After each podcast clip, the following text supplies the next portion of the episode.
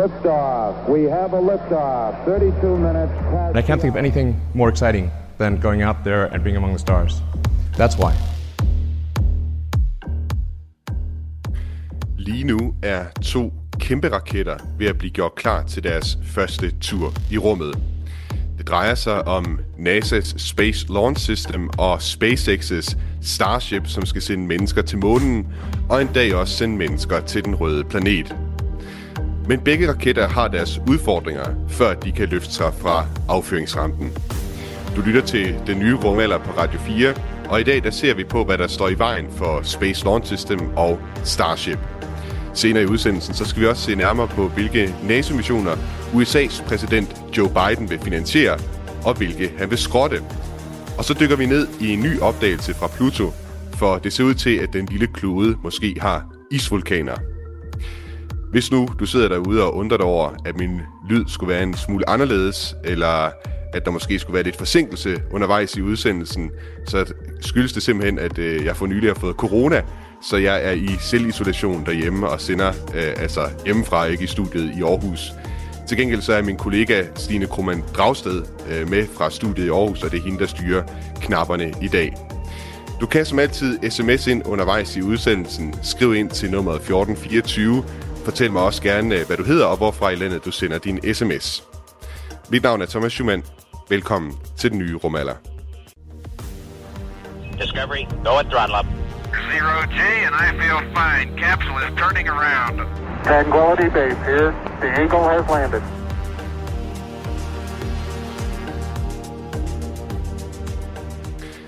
Med mig i øh, udsendelsen i dag, der har jeg Michael Linden Børne, chefkonsulent ved D2 Space. Velkommen til den nye rumalder. Tak for det. Og jeg har også en forbindelse til Thomas Jursing, der er journalist ved Ingeniøren. Velkommen til, Thomas. Jo, tak. Og som lytterne kan høre, så fordi vi altså sidder på hver sin linje, så er der altså lidt forsinkelse undervejs. Jeg håber, I kan bage over med, med de forsinkelser, der måtte være, og hvis vi kommer til at tage lidt i øh, munden på hinanden undervejs i udsendelsen. Uh, Thomas Jursing, det er første gang, du er med i den nye rumalder, og uh, jeg var inde og, og kigge rundt på journalisterne på Ingeniøren for at, at finde det nærmeste, man kommer på en, en, en decideret rumfartkorrespondent hos uh, Ingeniøren. Kan man sige, at du er, du er simpelthen Ingeniørens uh, rumfartkorrespondent? Ja, det kan man godt. Jeg tror, jeg har skrevet om det i, i 15 år plus. Du har også selv en, en fortid i rumfartbranchen, er det rigtigt forstået? Nej, det, det har jeg dog ikke, men jeg har arbejdet sammen med, med, med Thomas Andersen og nogle andre, øh, fordi han også har skrevet om det. Og så er jeg bare altid interesseret mig for det, og så har jeg skrevet øh, en bog om, øh, om Andreas Mogensen også, så jeg har da været lidt omkring. Mm. Michael øh, Linden Wørnle, øh, sidst vi øh, var øh, sammen i, i den nye rumalder, der sendte vi øh, live, øh, det var også uden for studiet over på DTU Space, da Andreas Mogensen skulle i rummet. Øh, nu er det så under de her omstændigheder, jeg sidder derhjemme fra og, og taler til dig, øh, så der er lidt mere, vi skal sige, afstand denne gang. Jeg så til gengæld øh, på Twitter, at du i går var med til noget, der hed øh, Big Bang-konferencen. Øh, det, det lyder umiddelbart som noget, der kunne handle ret meget om rummet. Ja, men det, det gør det jo også i hvert fald til dels, men, men øh, det primære med Big Bang-konferencen, det er, at det er en øh, kæmpe messe, øh, konference for folk, der arbejder med uddannelse, det er altså folkeskole og gymnasielærer, øh, som mødes for at se på, hvordan kan man forbedre øh, undervisningen inden for de naturvidenskabelige fag, inden for stemfagene, øh, og dermed selvfølgelig også en masse folk, der kommer, som har nogle perspektiver på, hvad er det for nogle problemer, man står overfor, og hvordan kan man løse dem, blandt andet med nye undervisningsmaterialer og, og undervisningsmetoder. Så det er det Big Bang-konferencen går ud på. Jeg var også blevet bedt om at, at åbne konferencen med en, en keynote-præsentation. Øh, Ja, hvad handlede den om, den præsentation? Kort. Ja, men altså, min titel, det var uh, Kig op, før det er for sent, med, med, med høflig reference til øh, Netflix-filmen øh, Don't Look Up, uh, hvor det, jeg så ligesom, ligesom tog fat på, det er jo, naturvidenskabens rolle i en, i en verden, hvor, hvor øh, alle har en mening om, og også deler den, øh, blandt andet på sociale medier, og ofte på et meget tyndt grundlag, fordi man har set en eller anden tilfældig, øh, udokumenteret video på YouTube, så mener man, at man har en mening, som er lige så meget værd som folk, som måske har forsket i et område i mange, mange år. Øh, og det er selvfølgelig et problem. Det er et problem for, for videnskaben, det er et problem for, for vores demokratiske proces. Det har vi jo senest set mange eksempler på under coronapandemien. Vi har jo stadigvæk udfordringerne i forhold til klimakrisen, krisen. Øh, så, så der er mange perspektiver i det her. Der prøvede jeg ligesom at rise problemstillingerne op og sige, men altså, der er jo ikke andet at, at gøre end at tage fat øh, prøver at forklare folk, ikke mindst hvad vi laver, men også hvordan vi laver det. Jeg tror meget af det handler om, at mange mennesker har ikke rigtig sådan en forståelse for, hvad vil det egentlig sige at bedrive videnskab, hvordan foregår det egentlig, den proces der er, som jo gør, mm. at når vi bliver spurgt, er du helt sikker, så kan vi jo aldrig sige, ja, men jeg er 100% sikker, det kan en forsker aldrig gøre. Hun er altid nødt til at tage det forbehold og sige, ja, der kan være lige om lidt i morgen, eller om en uge, eller et år, eller et århundrede, så, så vælter den her idé, så det er ikke fordi min idé nødvendigvis er den rigtige, den er bare mere veldokumenteret end, end dig, der har set noget på YouTube. Jeg håber øh, meget, at den nye rumalder kan være med til at gøre folk, øh, bedre, give folk et bedre grundlag for så vidt at tale om, om rummet på os, øh, selvom jeg må da indrømme, at øh, meget af min viden, den kommer også til mig øh, via de her YouTube-videoer, du taler om, Michael Lindenbørnle. I udsendelsen i dag, der skal vi egentlig tale rigtig meget om kæmpe raketter. Det bliver det første emne, vi skal tale om i udsendelsen øh, i dag. Men øh, før vi kaster os over det, så har jeg en ting, vi skal hjælpe øh, vores allesammens øh, danske astronaut Andreas Mogensen med. Han har nemlig en ting, han gerne vil have vores hjælp til. Vi har en tradition i ESA for at navngive vores rummissioner. Min første mission til rumstationen i 2015, den hed Iris efter den græske gudinde, der fungerede som led mellem jorden og himlen. Min næste mission, den skal også have et navn, og her håber jeg, at I kan hjælpe mig. For vi holder nemlig en konkurrence om at finde det mest passende navn, der kan symbolisere min mission til rumstationen. Lad jer inspirere. Der er ikke nogen øh, specielle retningslinjer, men det skal være et navn, der symboliserer den udforskning og den opdagelsesrejse, vi astronauter er på, når vi rejser ud i rummet. Thomas øh, Djursing, øh, har du et bud på, hvad Andreas Mogensens øh, mission til rumstationen, den skal, han skal være op og, og være op på den internationale rumstation i, i seks måneder. Har du en øh, idé til, hvad, hvad hans mission den skal hedde? Mm, det er virkelig noget, jeg har tænkt utrolig, utrolig meget over, ja. Uh, måske er Skiri Y-missionen, for Andreas skal i rummet okay, igen. Hvorfor? Yay! Missionen. det kunne man selvfølgelig også. Det var også et godt navn. Øh, Michael Linden har du et øh, forslag til, hvad Andreas Mogensens mission den skal hedde? Jamen, øh, jeg tænkte umiddelbart, at det ville være oplagt at kalde den Tycho, altså opkalde den efter vores danske astronom Tycho Brahe. Øh, det er jo i år 450 år siden, at Tycho Brahe han, øh, opdagede det, han troede var en ny stjerne. Det viser sig så at være en stjerne, der døde i en supernova-eksplosion. Men, men ikke så meget det, og ikke så meget astronomien, men mere det, at vi jo øh, ofte anser Tycho Brahe som en af de væsentlige personer, som har været med til at, at grundlægge det, vi kalder den naturvidenskabelige arbejdsmetode. Altså samspillet mellem, at man gør sig nogle teoretiske overvejelser, men meget vigtigt, at man går ud og laver nogle målinger, nogle undersøgelser, nogle observationer, der så gør, at de idéer, de hypoteser, man har, dem kan man så få sorteret fra øh, eller få bekræftet. Så derfor synes jeg, det vil være passende at opkalde missionen efter Tycho. Det var øh, også et virkelig godt forslag, vil jeg mene. Vi havde selv ja, øh, på redaktionen siddet og kigget lidt... jeg synes også, det var et godt forslag, du havde, øh, Thomas, må om. Det var meget frisk, må man sige. Min kollega Frederik Lyne, som også hvad skal man sige, tilretlægger øh, programmet her, den nye rumalder, han, jeg skrev sammen med ham i går, han havde også et bud på, hvad missionen den kunne hedde. Han var inde og kigge øh, på nogle øh, gamle indoeuropæiske guder, og der fandt han altså navnet Dios, tror jeg nok den hedder, eller D-Y-E-U-S, Dios. Øh, det menes at have været hovedguden i øh, de religiøse traditioner i de forhistoriske proto-indoeuropæere. Altså i, øh, en del af sådan et større pantheon øh, var han sådan guden for daglys, dagslyshimlen. Det synes jeg også, der var noget øh, meget smukt over for så vidt. Øh, hvis du derude sidder og har en idé til, hvad Andreas Mogensens mission skal hedde, så kan du altså sende dit forslag til Uddannelses- og Forskningsministeriets øh, hjemmeside. Øh, du kan egentlig bare gå ind på Google og så skrive øh, hjælp Andreas Mogensen med at finde på et navn til sin nye mission. Så kan du finde den side ind på Uddannelses- og Forskningsministeriets hjemmeside, hvor man kan sende forslaget. Du kan også øh, skrive dit forslag ind til mig i dag i løbet af udsendelsen, så tager vi det også med her. Du skriver det ind på sms'en på nummer 1424. Jeg sidder øh, som sagt øh, derhjemme i dag og laver min udsendelse. Det er måske meget godt, øh, for det skal handle om kæmpe raketter i dag, og jeg kan sidde herhjemme med min øh, Lego model af Saturn 5-raketten, altså den øh, kæmpe raket, som tog mennesker til månen i 60'erne og 70'erne, så den kan jeg sidde og være inspireret af i dag. Det var altså en raket, som tog afsted i sin tid fra Cape Canaveral i øh, Florida. Og hvis man nu tilfældigvis øh, en af de her dage slår et smut forbi Cape Canaveral, så vil man kunne se en ny kæmpe, kæmpe raket derovre. Det drejer sig om NASA's Space Launch System, som for nylig er blevet kørt ud på affyringsrampen til en række tests. Den her raket, den skal så bruges til Artemis 1-missionen, altså en mission, hvor man vil sende Orion-rumkapslen rundt om månen og tilbage til jorden. Og det er altså den her Orion-rumkapsel, som en dag skal sende mennesker øh, til månen. Den vil ikke være bemandet, den her Artemis 1-mission. Det er ligesom en, en generalprøve, hvor man sender kapslen afsted alene, for ligesom at se, at, om det hele det virker. Michael uh, Linden Børnle, er, er det fair at sige, at uh, Space Launch System det er en slags uh, efterfølger til den her Saturn 5-raket, jeg har en uh, Lego-model af derhjemme?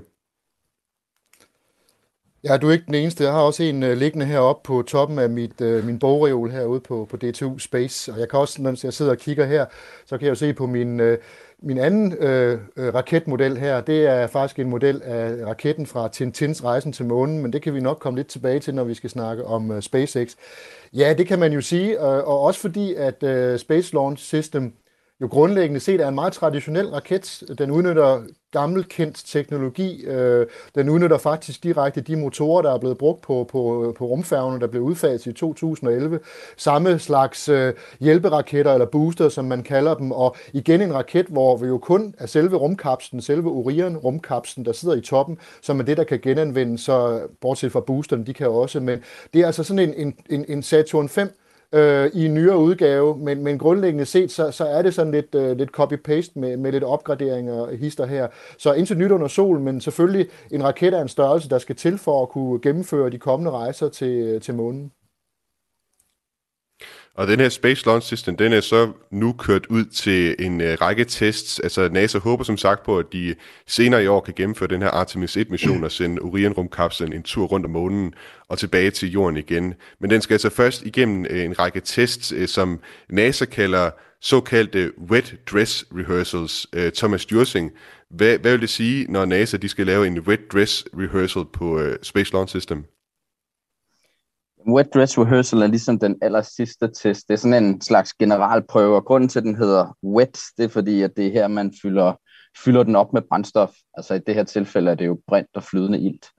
Og øh, den har jo allerede været igennem et haver-test, så, så det er ligesom den sidste del. Og, og det der er, der er, en, der er en række ting, der er, der er interessante i wet dress, men noget af det, der jo sker, det er, at du får nogle meget store temperaturudvekslinger, som man så skal se om, om de her systemer kan håndtere, plus at du skal have, have fjernet nogle af de her sådan, gasser, som kan opstå under optankningen. Og det var blandt andet det, der, der gik galt her, i, øh, her, i, øh, her for et par dage siden, da man så måtte aflyse den.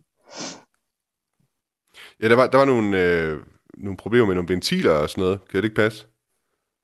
Jo, altså, øh, jeg sad lige og læste lidt op på det her. Øh, det, det jeg forstår, der er sket, øh, i starten lød det lidt som om, det var en slags overtryksventil, men, men jeg kan forstå, at det ser ud til, at hovedproblemet egentlig har været nogle, nogle fan, altså nogle, nogle ventil, ventilationssystemer, som, som egentlig bare fungerer på den måde, at de skal sørge for at fjerne ophobning af, af, af, af ja, giftige stoffer eller brandfare, brandbare stoffer, øh, altså luft i, øh, i, i selve launch-systemet.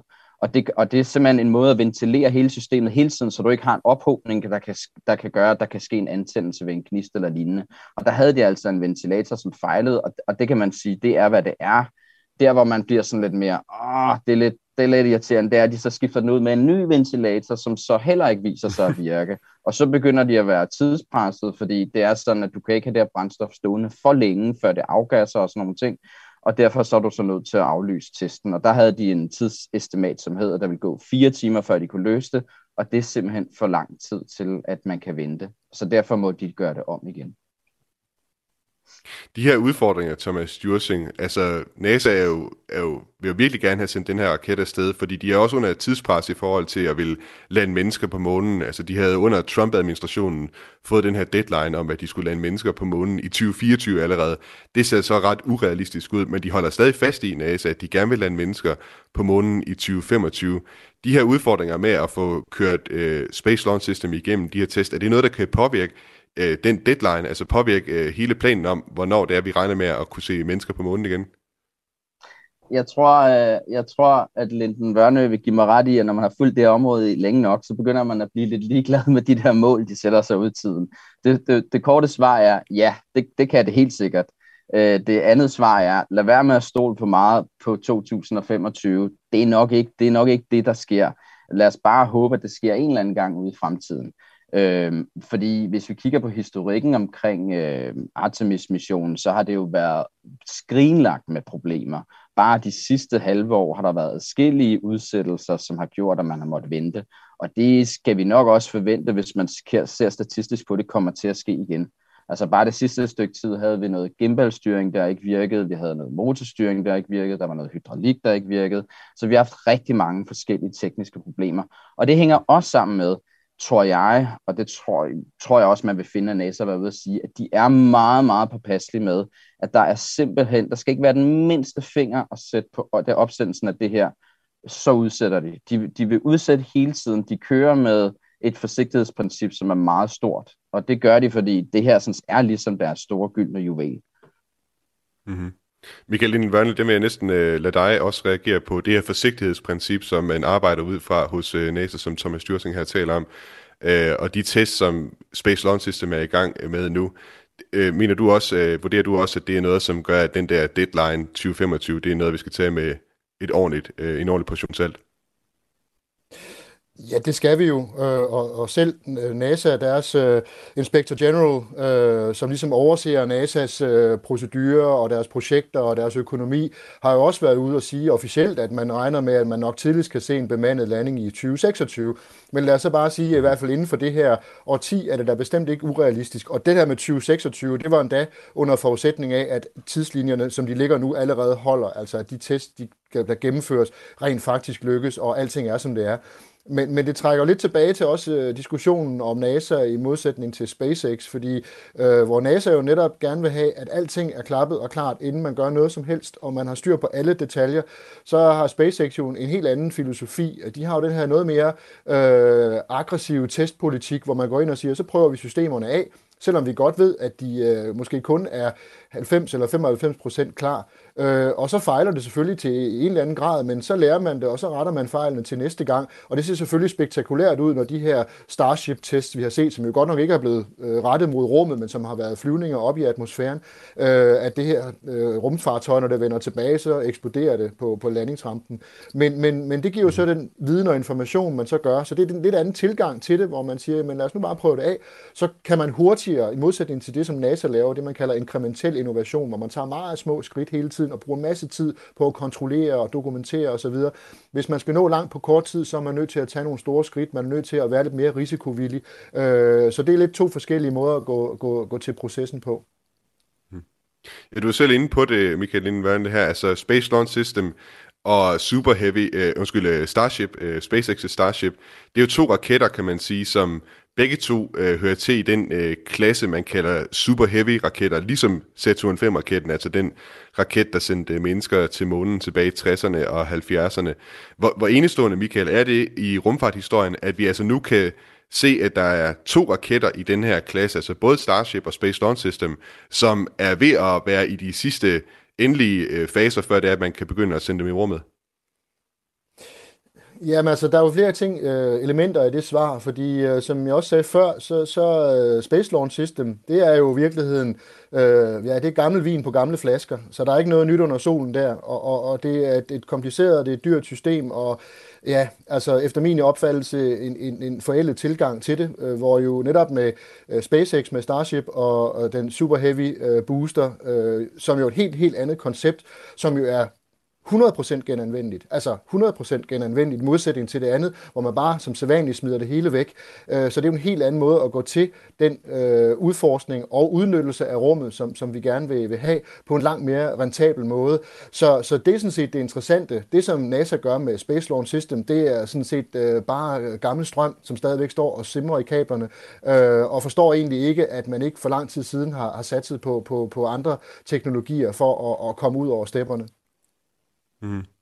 Ja, Thomas Stursing, det, er, det er en ting, som jeg måske også kan undre mig over, øh, som Michael jo er inde på her, at Space Launch System, den bruger rigtig meget den teknologi, som man jo egentlig har fra rumfærgerne, som jo fløj i lang tid, og hvor altså, der var også alle mulige udfordringer med, med rumfærgerne selvfølgelig, og der var to af dem, der sprang i luften, øh, eller øh, den ene, den ene sprang i luften på vejen op, og den anden, den, den brændte op i atmosfæren på vej ned, hvor der døde astronauter undervejs. Men alligevel skulle man forestille sig, at NASA havde nogenlunde styr på den her teknologi, så det kan undre mig et eller andet sted, at, øh, at de nu, hvor de er ved at teste Space Launch System ude på affyringsrampen, har så, altså, lader til at løbe ind i de her problemer. Øh, Thomas Dyrsing, hvorfor er det så svært, øh, de her tests, som NASA er ved at gennemføre på, øh, på Space Launch System?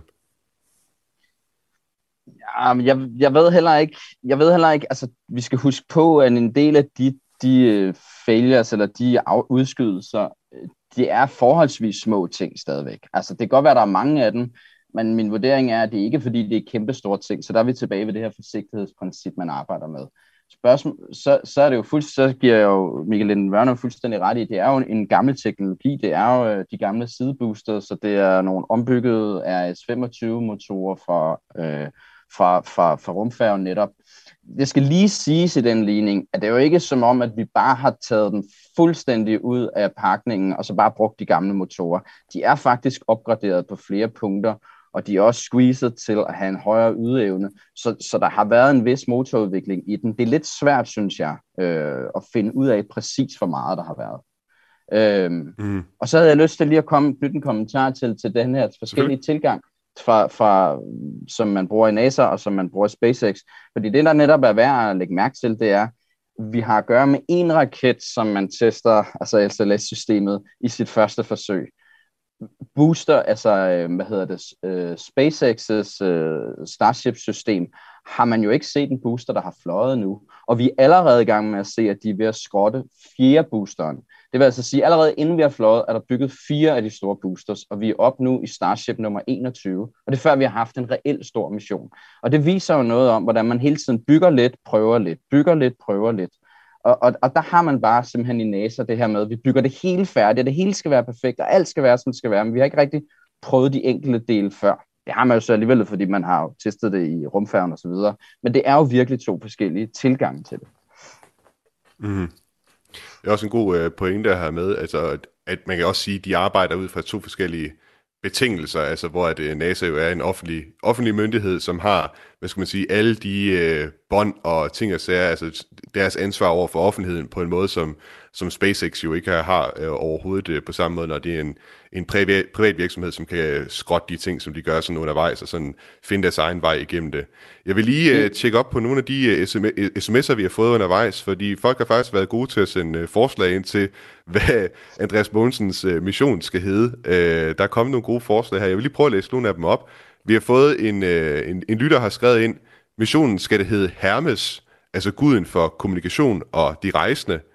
Så er der en lytter, der hedder Paul, der skriver ind, kald missionen Hope, øh, og så i parentes om fred.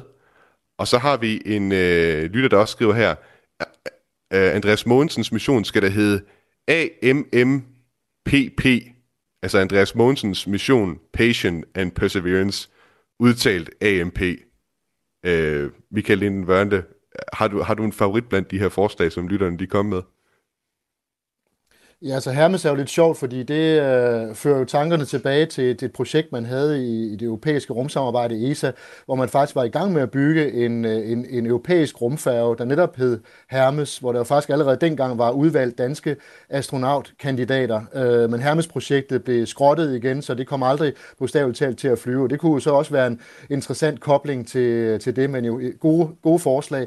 Nu kan man jo så sige, at når Andreas Mosen kommer afsted, om det så bliver i 2023 eller 2024, 2020, øh, så kan vi jo håbe på, at øh, freden er vendt tilbage, og, og at det ikke er noget, vi så længere behøver at håbe på.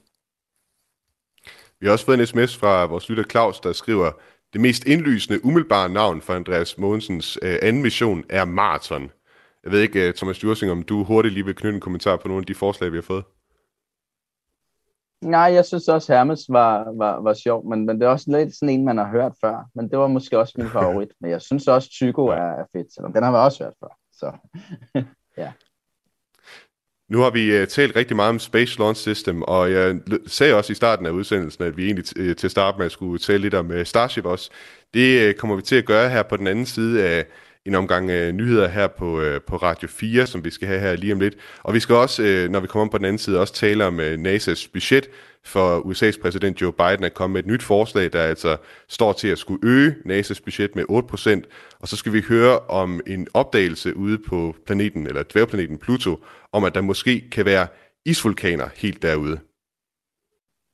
Tranquility Base here. The Eagle has landed. I believe our future depends powerfully on how well we understand this cosmos in which we float like a mote of dust in the morning sky. USA's præsident Joe Biden vil give flere penge til NASA, men samtidig så vil han sløjfe en mission til Mars, skrotte et teleskop, der flyver rundt på en Boeing 747, og så vil han sætte en mission på pause, der skal finde farlige asteroider med kurs mod jorden. Vi dykker ned i Bidens forslag til NASA's budget senere i udsendelsen, og vi skal også senere se på isvulkaner på dværgplaneten Pluto, men først så skal vi runde den anden kæmpe raket, vi ikke har fået talt om endnu, nemlig SpaceX's Starship. Du lytter til den nye rumalder på Radio 4. Mit navn er Thomas Schumann. Houston Discovery, go ahead. Discovery, go at throttle up. And Discovery Houston, we've got a good picture of Steve. Roger roll, Discovery. Og hvis du sidder og undrer dig over, at lyden måske er lidt anderledes, end du er vant til, så er det simpelthen fordi, at jeg sidder derhjemmefra og laver den nye rumalder i dag. Jeg har fået corona og er altså gået i selvisolation, så jeg sidder hjemme fra mit eget lille rumskib og sender i dag. Med mig i dag, der har jeg som gæst Michael Linden Børnte, der er chefkonsulent ved D2 Space, og jeg har også øh, Thomas Djursing, som er journalist ved Ingeniøren. Hvis du kunne øh, tænke dig at skrive ind undervejs i udsendelsen, så kan du sende en sms ind til 1424. Og jeg kunne godt tænke mig også at høre fra dig derude, hvad du synes, Andreas Mogensens næste mission i øh, rummet skal hedde. Han har nemlig selv øh, opfordret danskerne til at sende øh, forslag til, hvad, hvad det er hans mission, hans øh, seks måneder lange mission i rummet, den skal hedde, når han engang skal afsted. Nu skal vi vende os mod den anden øh, kæmpe raket, som vi ikke nåede at fortælle om i første halvdel af udsendelsen, for længere nede af USA's øh, vestkyst, øh, helt, faktisk helt nede ved grænsen til Mexico, der er der altså en anden kæmpe raket under udvikling. Det er SpaceX's Starship, som er ved at blive bygget, eller ved at blive testet i det hele, kan man sige, i øh, det, der hedder Boca Chica i Texas. Og lige nu, der venter SpaceX på en miljøgodkendelse fra USA's luftfartmyndighed FAA. Uh, øh, SpaceX's faciliteter i Boca Chica, de blev i første omgang godkendt til opsendelse af nogle få Falcon 9-raketter, men SpaceX har altså siden ændret deres planer, og nu vil de bruge stedet til Starship, og det er derfor, de har brug for den her godkendelse. Og her til morgen kan jeg sige, at der kom der en nyhed om, at godkendelsen også er en udvidelse af Starbase, altså det sted, de øh, tester Starship. Det er blevet lagt på is, fordi SpaceX simpelthen ikke har givet de fornødne oplysninger til myndighederne. SpaceX de vil gerne udvide med en ekstra affyringsrampe, og hele det her sted, hvor de tester, det ligger altså i et vådområde ved havet med meget dyreliv, og SpaceX de havde ikke oplyst tilstrækkeligt med alternativer til, hvad man kunne gøre i stedet for at redde dyreliv. Og det er derfor, at den her øh, afgørelse i forhold til, om de kan få lov til at udvide, den er altså forløbet er blevet sat på pause.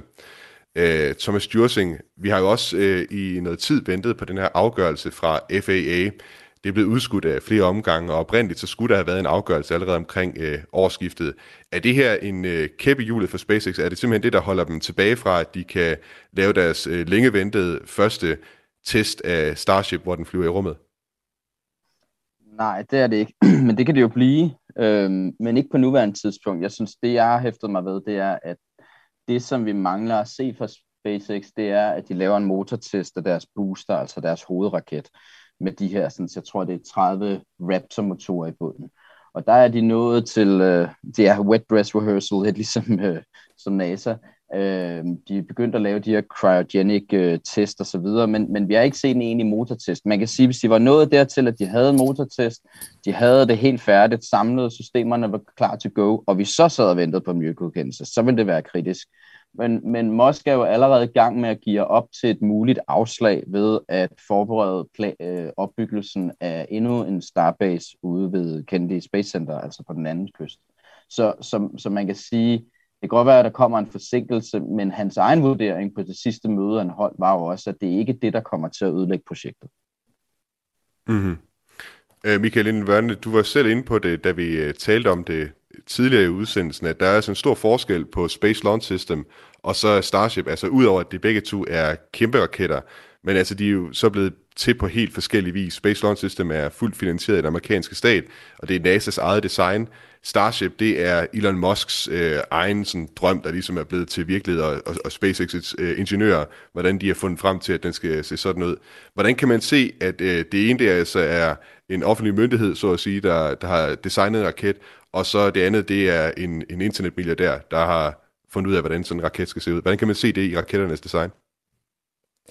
Ja, altså for det første skal man sige, at øh, NASA designer jo ikke som sådan raketter. Det har de jo virksomheder, der leverer. Altså det, de går ud til underleverandører, de store traditionelle aerospace virksomheder, men de går sådan set også ud til SpaceX, fordi mange af de penge, som SpaceX øh, tjener, som de bruger til at udvikle deres øh, nye raketter og rumskibe, de kommer jo fra offentlige kasser, fordi det er penge, som, som SpaceX får fra at flyve forsyninger og astronauter op til, til den internationale rumstation. Når det så er sagt, så er det jo sådan, at, at uh, nu sagde jeg før i første omgang her, at sammenligningen mellem den gamle Saturn 5 og så Tintin-raketten, rejsen til, til månen, som jo er det her helt anderledes koncept, det her, som man så fint kalder single stage to orbit, det vil sige, hele din raket, den starter fra jorden, flyver ud i rummet, gør det, man skal gøre, flyver tilbage igen, lander, man tør insekter i forruden, man tanker op, og man flyver igen. Det er jo den øh, tyske raketkonstruktør Werner von Brauns øh, oprindelige drøm om, sådan skal rumrejser faktisk foregå. Og det er jo der, man er på vej hen, med Starship og øh, den store Heavy Booster, øh, at man faktisk har et system, som er 100% genanvendeligt, hvor man forholdsvis hurtigt kan lave turnaround, og som er noget mere rentabelt, end hvad man skal bygge en ny raket hver evig eneste gang. Altså, man regner med, at det kan koste op til 4,1 milliard dollar per øh, flyvning med øh, Space Launch System, øh, og, og jeg ved ikke, hvad prisen vil være med, med øh, Elon Musks øh, system, men jeg forestiller mig, at det må være billigere simpelthen, fordi der er genanvendelse. Og ja, der er en masse teknologiske udfordringer. De her Raptor-motorer, som, som på boosteren, der er 33 af dem, og så er der 6 på selve Starship, som skal bruges til den her første rejse ud i rummet. Men igen det her med, at man laver hele tiden forbedringer og justeringer, og man skifter ud, og man bygger, og man så er klar på et eller andet tidspunkt, og lige så snart man så får grønt lys fra myndighederne, så skyder man sin øh, test i, i gang, og så ser man, hvad der sker, og så når det fejler to, tre, fire gange, så fjerde, femte gang, så, så lykkes det, og så har man et operativt system. Nu er håbet hos, øh, og, og planerne hos, øh, når man hører Elon Musk, de er jo altid sådan rimelig øh, lysegrønne. Han, han regner altid med, at han kan få sendt sin næste raket øh, afsted om, om, om et halvt års tid, eller noget af den stil. Han, han er altid meget, meget optimistisk i forhold til, hvornår det kan lykkes. Og det er jo altså noget, der er blevet udskudt øh, gang for gang. Nu har SpaceX og Elon Musk sagt, at det kommer til at ske i år, at de kommer til at sende øh, Starship i rummet. Jeg ved ikke, Michael Lindenbørn, tør du øh, lægge ud på blogget og, og, og komme med en vurdering på, om du tror, det kommer til at ske i år? Altså, jeg vil sige det på den måde, hvis de får tilladelsen her i midten af året, og de får styr på teknikken, så er det, det bestemt ikke urealistisk. Altså, det eneste, man med sikkerhed kan sige, det er, at når Elon Musk har sagt, at han vil gøre et eller andet, så er det i hvert fald indtil nu øh, sket. Øh, men som du også antyder, så har der nogle gange været sådan en lille smule øh, tidsoptimisme indbygget i ham. Men på en eller anden måde er det jo ikke en dårlig ting, for det er jo med til at drive tingene, og så sige, at vi gør det bedste, vi gør det så hurtigt vi kan, og vi flytter os. Øh, så ja, jeg vil da godt lægge øh, en eller anden vilkårlig kropsdel på bloggen og sige, ja, lad os da regne med, at vi ser en, en flyvning af, af Starship ud i rummet i øh, 2022.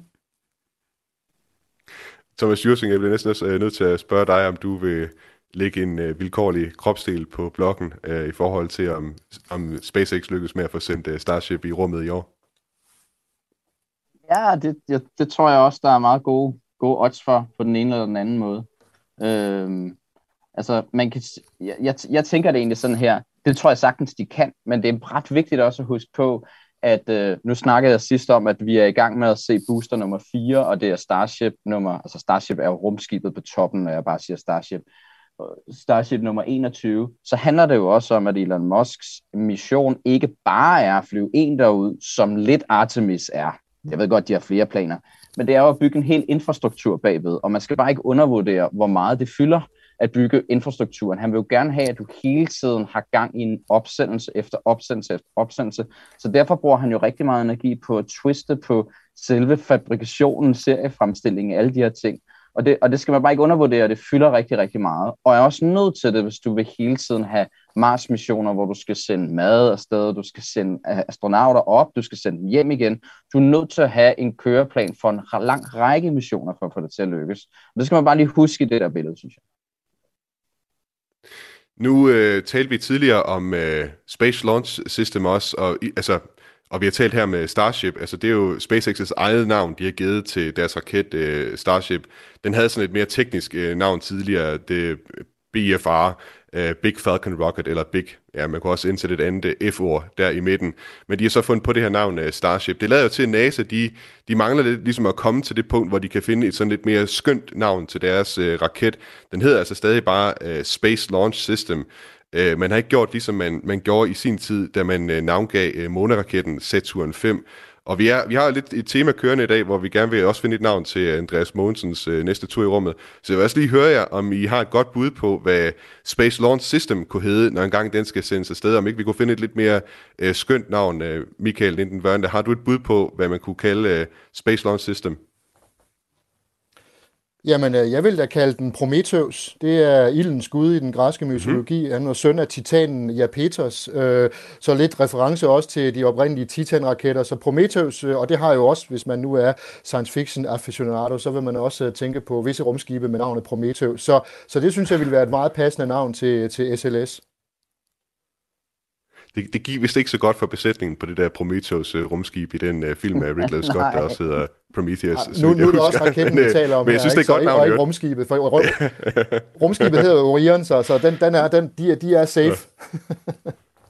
fair, fair. Det er godt, det, det forsikrer vi dem om. Thomas Jursing, har du et uh, bud? Jeg synes nu, når det er en Artemis-mission, skal det så ikke bare hedde Artemis-raketten? Det synes jeg ligger meget fint. Men, men lad mig jo sige, at, uh, at Starship hedder jo altså også Starship System. Så de har noget med de der system. Det kan de meget godt lide. Mm, det er rigtigt. Det, og så var det også i øvrigt med rumfærgen. Den hed uh, Space Transportation System. Det var den sådan en, uh, og ikke, altså, hvad skal jeg sige, den helt offic- officielle titel, ikke? Du lytter til den ja, nye rumalder på Radio 4. Service, som man kaldte det. Ja. ja, jeg, har også, jeg har også hørt nogen i øvrigt med den kritik, der har været af Space Launch System. Dens initialer er jo SLS, så fordi at der er så meget opbakning til den fra senatet, særligt eller politikerne, så kalder de den også lidt for sjov uh, Senate Launch System i stedet for. Uh, så der er meget ja. sjov, man kan lave med de der mm. initialer. Du lytter som sagt til den nye rumalder på Radio 4 med mig, Thomas Schumann, og du kan som altid uh, sms ind undervejs. Uh, det gør du ved at skrive ind til 1424, og jeg vil godt tænke mig at høre dit forslag til, hvad Andreas Mogensens næste mission i rummet skal hedde. Send uh, gerne dit forslag og også gerne dit navn og sted øh, fra, altså hvor du sender din sms fra. Lift off, the final lift off of Atlantis on the shoulders of the space shuttle. America will continue the dream.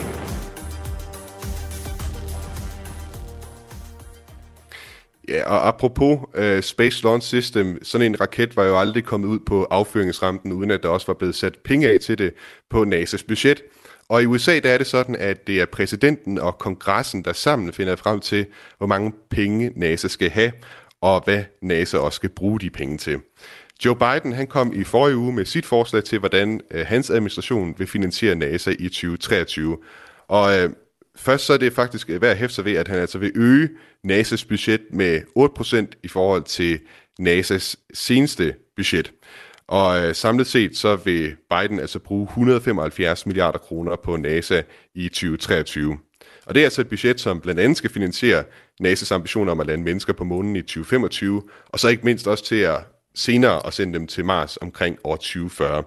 Og blandt andet så skal pengene bruges på at udvikle flere landingsfartøjer til bemandede missioner til månen. Øh, før vi dykker ned i øh, sådan flere detaljer omkring det her budget, øh, Michael Lindenvørne, så er det vel positivt nyt for rumfartentusiaster, at der kommer flere penge til, til NASA. Skiller øh, Biden sig ud her i forhold til at, at give ekstra penge til, til NASA?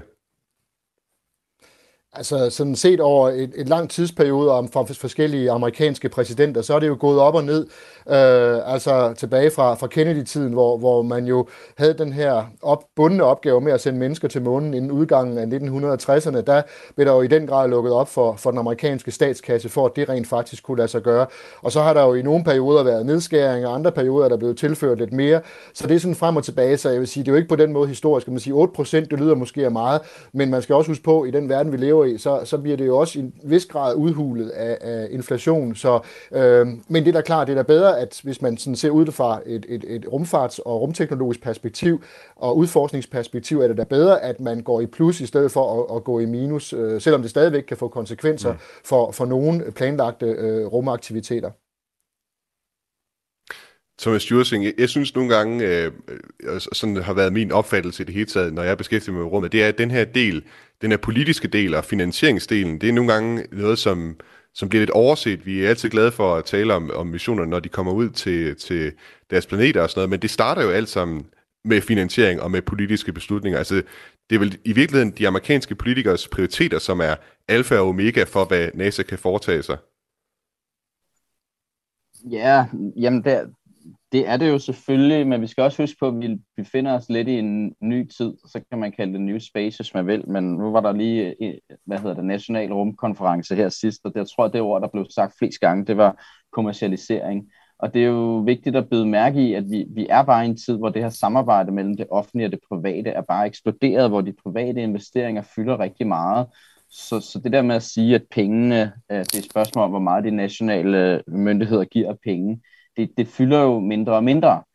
Så skal man stadigvæk huske, at hvis ikke, altså, når, når det gælder bemandede missioner til månen og Mars, så begynder det at fylde rigtig meget, fordi der er måske ikke de samme kommersielle interesser. Så, så det, er lidt, det kommer lidt an på, hvad det er, vi snakker om, øh, i forhold til, hvornår at de nationale budgetter øh, har en stor betydning, synes jeg. Mm-hmm.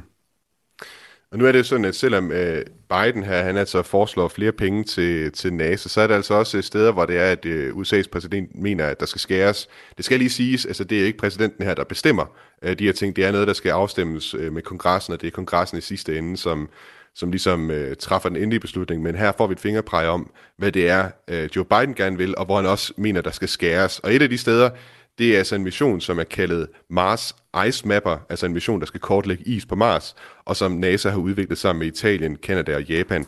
Biden vil også sløj, sløjfe det, der hedder SOFIA-teleskopet, altså Stratospheric Observatory for Infrared Astronomy. Det er et 2,5 meter bredt teleskop, som er placeret i et Boeing 747 jetfly, og som altså laver sine observationer i luften. Derudover så vil Biden også udsætte finansieringen af Near Earth Object Surveyor Mission, som skulle finde asteroider tæt på jorden den mission den kommer til at blive udskudt med to år, og altså skal først opsendes i 2028. Michael øh, Ninden Børnle, hvad, hvad vil du være mest ærgerlig over at sige farvel til de her tre ting? Jamen altså, man kan jo sige, øh, nu, nu har jeg jo selv en, en, en, øh, en solid baggrund inden for infrarød astronomi, og jeg synes jo sådan et, et observatorium som Sofia er jo, er jo lidt ærgerligt at skille sig af med, fordi øh, det er jo sådan en fattigmands rummission. Det har jo den fordel, at det netop ikke er noget, en, en, en øh, satellit eller en sonde, du sender ud i rummet en gang for alle, men øh, det er jo noget, du øh, kan flyve op og lave observationer med, og så kan du flyve ned igen, og du, øh, på den måde har du altså noget, som er mere, mere langtidsholdbart. Øh, og, og på den måde, så må man sige, at Sofia har i virkeligheden lige nærmest lige siden, at projektet blev startet, siden 2007, haft en stor sparkniv hængende over hovedet, øh, og sluppet flere gange, så det kan jo være, at Sofia slipper igen, fordi det er sådan en af de eksempler på, at man kan få meget videnskab for relativt øh, få penge, og som noget, der er mere fleksibelt end en egentlig rummission. Omvendt må man så sige, hvis man vil prioritere anderledes, så er det jo sådan, man gør, og det er jo fair nok, og det er jo netop tilbage til snakken fra før det er jo politikerne, der har muligheden for at sige, men nu vil vi altså gerne lægge vores primære tyngde her, og det er jo så primært på de bemandede programmer, så er der jo noget af det ubemandede, som på en eller anden, på en eller anden måde må betale regningen. Når vi så taler om øh, den her øh, øh, mapping-mission til, til Mars, altså der kan man sige, der er det jo lidt noget andet, fordi øh, der, der synes jeg jo egentlig, at man måske skyder sig selv lidt i foden, fordi når man nu så også som en del af sit budgetforslag har den her i måske meget ambitiøs idé om, at man gerne vil sende mennesker til Mars allerede i 2040, Øh, så det her med at, ligesom at fjerne missionen, mission, som skaber nogle vigtige forudsætninger for at sige, hvor har vi tilstrækkelige forekomster af is på Mars, som er en vigtig ressource, vi skal bruge til kommende bemandede missioner. Men igen, der er også noget politik i det, fordi det er en mission, der blev født under Trump-perioden, og, og, og der er jo lidt en tendens til en gang imellem at slå sine politiske modstanderes øh, projekter ihjel. Og det undrer mig jo egentlig, det var en af de ting, der undrede mig rigtig meget, da Biden rykkede ind i det hvide hus, at han faktisk lod øh, Øh, det, øh, som nu i dag hedder, altså Artemis-projektet, fik det, fik det, at det fik lov til at overleve, øh, og ikke blive slagtet, ligesom Obama slagtede øh, sin forgænger Bushes øh, måne- og Mars-projekt. Men det er jo et give and take, og det er det mulige kunst, så selvfølgelig vil vi gerne beholde det hele, men, men det kan godt være, at der er nogle ting, der er nødt til at, at, at, at, at lade livet, for at, øh, at man kan nå derhen, hvor man vil. Ja, Thomas uh, Djursing, det er Michael jo også inde på her, at det, det sker jo af til, at uh, der altså kommer politikere ind, kommer præsidenter ind, som, som skærer visse steder, også i forhold til deres øh, forgængere. Hvor ofte er det, vi ser, at der er simpelthen missioner, der bliver pillet fra hinanden, eller som, som altså aldrig bliver til noget, fordi at øh, NASA's økonomi ændrer sig? Jamen, det sker jo hele tiden. Det er, det er ligesom the name of the game. Jeg, jeg vil dog gerne lige sige, at jeg synes personligt, jeg er rigtig ærgerlig over, at det her Near Earth Object Surveyor Mission, den øh, kan, kan blive udskudt. Det var jo netop kongressen for 20 år siden i USA, som var bange for, at man ikke havde styr på asteroider, der kunne ramme jorden, så besluttede den her mission. Og den her mission kunne faktisk opfylde præcis det mål, der var dengang, nemlig at 90% af alle asteroider med en størrelse over 140 meter, dem kan vi fange med det her. Det er nok ikke, fordi vi bliver ramt af en asteroide i morgen, men det der at det der er et mere sådan samfundsmæssigt, øh, globalt øh, dejligt øh, tanke, at vi rent faktisk kan have styr på de her asteroider, som kan udgøre en trussel. Så det synes jeg er en mærkelig prioritering. Mm. Du lytter til den nye rumalder på Radio 4 med mig, Thomas Schumann, og du kan altså som altid uh, sms ind undervejs. Du kan skrive ind til nummeret 1424, og det kan jeg også se, der er mange, der har. Jeg kunne godt tænke mig at høre dit forslag til, hvad Andreas Mogensens næste mission i uh, rummet skal være, eller skal hedde. Skriv også gerne dit navn, og hvorfra i landet du sender din sms. I think we need to do a little more all-weather testing. Amen.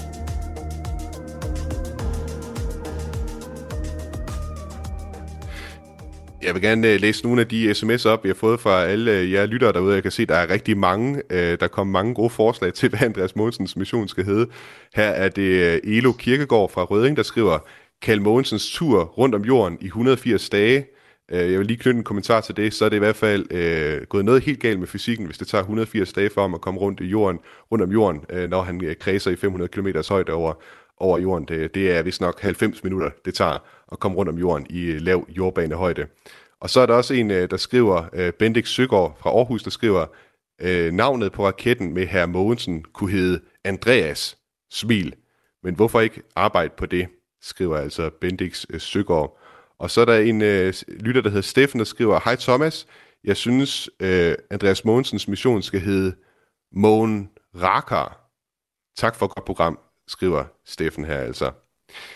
Vi vender blikket væk fra øh, navne til Andreas' øh, mission, og så også fra Washington og t- øh, snak om øh, budget øh, for NASA. Vi skal vende blikket helt ud i det aller yderste solsystem, for en gruppe af forskere har gjort et noget opsigtsvækkende fund i en videnskabelig artikel i tidsskriftet Nature Communications, der redegør de for at have fundet isvulkaner på Pluto. Med data fra New Horizons rumsonden, som fløj forbi Pluto i 2015, der har de undersøgt to bjerge, det såkaldte Wright Mons og Picard Mons, som ifølge forskernes analyse ser ud til at være isvulkaner. De her forskere vurderer også, at vulkanerne, vulkanerne er relativt unge, da de sandsynligvis har en alder på omkring 100 millioner år. Michael Lindenbønde, de her iskloder som øh, Pluto, og for så vidt også øh, månerne omkring gasplaneterne, det, det, er sådan, det er sådan en ting, hver gang man hører noget nyt om det, øh, øh, det bliver ved med at overraske mig, hvad der er sådan af spændende ting derude. Hvor overraskende vil du sige, øh, den her opdagelse er, at øh, der altså kunne være isvulkaner på Pluto? Jamen, man kan jo sige, det er jo egentlig bare en kulmination af den overraskelse, der netop startede i midten af juli 2015, hvor New Horizons efter en ni år lang rejse fløj forbi Pluto og dens øh, fem måneder, øh, hvor man jo havde regnet med at finde sådan en lidt halvkedelig, dybfrosen, øh, inaktiv verden, og så fandt man altså et sted, som jo meget, meget tydeligt og klart bare præg af en masse dynamik, altså en øh, overflade, som var i øh, kontinueret forandring. Så det, at vi altså ser tegn på, at den her, kan man kalde det, geologiske aktivitet, som ikke er øh, ild og flydende sten, som her på jorden, men altså isvulkaner, jamen altså, jeg vil næsten sige, at øh, det, det havde været en skuffelse, hvis ikke man havde opdaget de her øh, isvulkaner, og ligesom på en eller anden måde fik øh, endnu klarere billede af, at øh, Pluto virkelig er en meget, meget dynamisk verden. Ja, vi skal måske også lige have styr på, hvad mener vi, når vi siger isvulkan? Altså, jeg, jeg har hørt det beskrevet som, at, at så er det, det er fordi, at, at temperaturen er simpelthen så lave ude ved Pluto, at, at i, altså man skal sige vand, øh, det er frosset ned, og det opfører sig virkelig som, som sten. Er det sådan, man skal forstå det, at det så smeltet, smeltet is, det, det fungerer ligesom magma her på jorden? Ja, det er godt, sådan kan man godt sige det, og det er jo netop det, der så har en, en indikation af, at der så under øh, Plutos overflade jo rent faktisk kan forekomme eksistensen af flydende vand. Og det er jo så her, hvor det bliver rigtig, rigtig spændende, for lige så snart vi begynder at tale om forekomsten af flydende vand, så begynder der også at tegne sig et billede af, at så kan vi måske også begynde at tale om muligheden for, for liv. Så, så det er jo derfor, at det, som vi ser på Pluto, men som du også siger, vi ser på nogle af ismånerne omkring øh, solsystemets kæmpe planeter, er, er nogle rigtig, rigtig spændende øh, steder at udforske, eller blive præcis på den konto. Michael øh, Linden Børnle, chefkonsulent ved D2 Space, og Thomas Jursing, journalist på Ingeniøren. Øh, tiden er ved at løbe ud for os øh, i dag.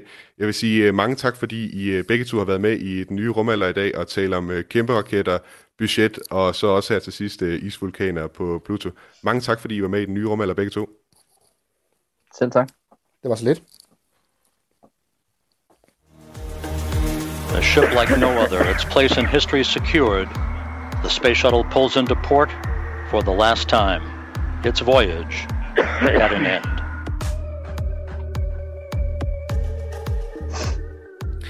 Den øh, nye rumalder var i dag tilretlagt af Frederik Lyne, redaktør er Camilla Høj Eggers. Mit navn er Thomas Schumann, og den musik, du har hørt undervejs i øh, klippene her i programmet, den er lavet af T-Shot Starfish. Hvis du kunne tænke dig at høre tidligere udsendelser af den nye rumalder, så kan du gøre det ved at downloade Radio 4's app. Øh, du kan finde den app i øh, App Store eller hos øh, Google Play.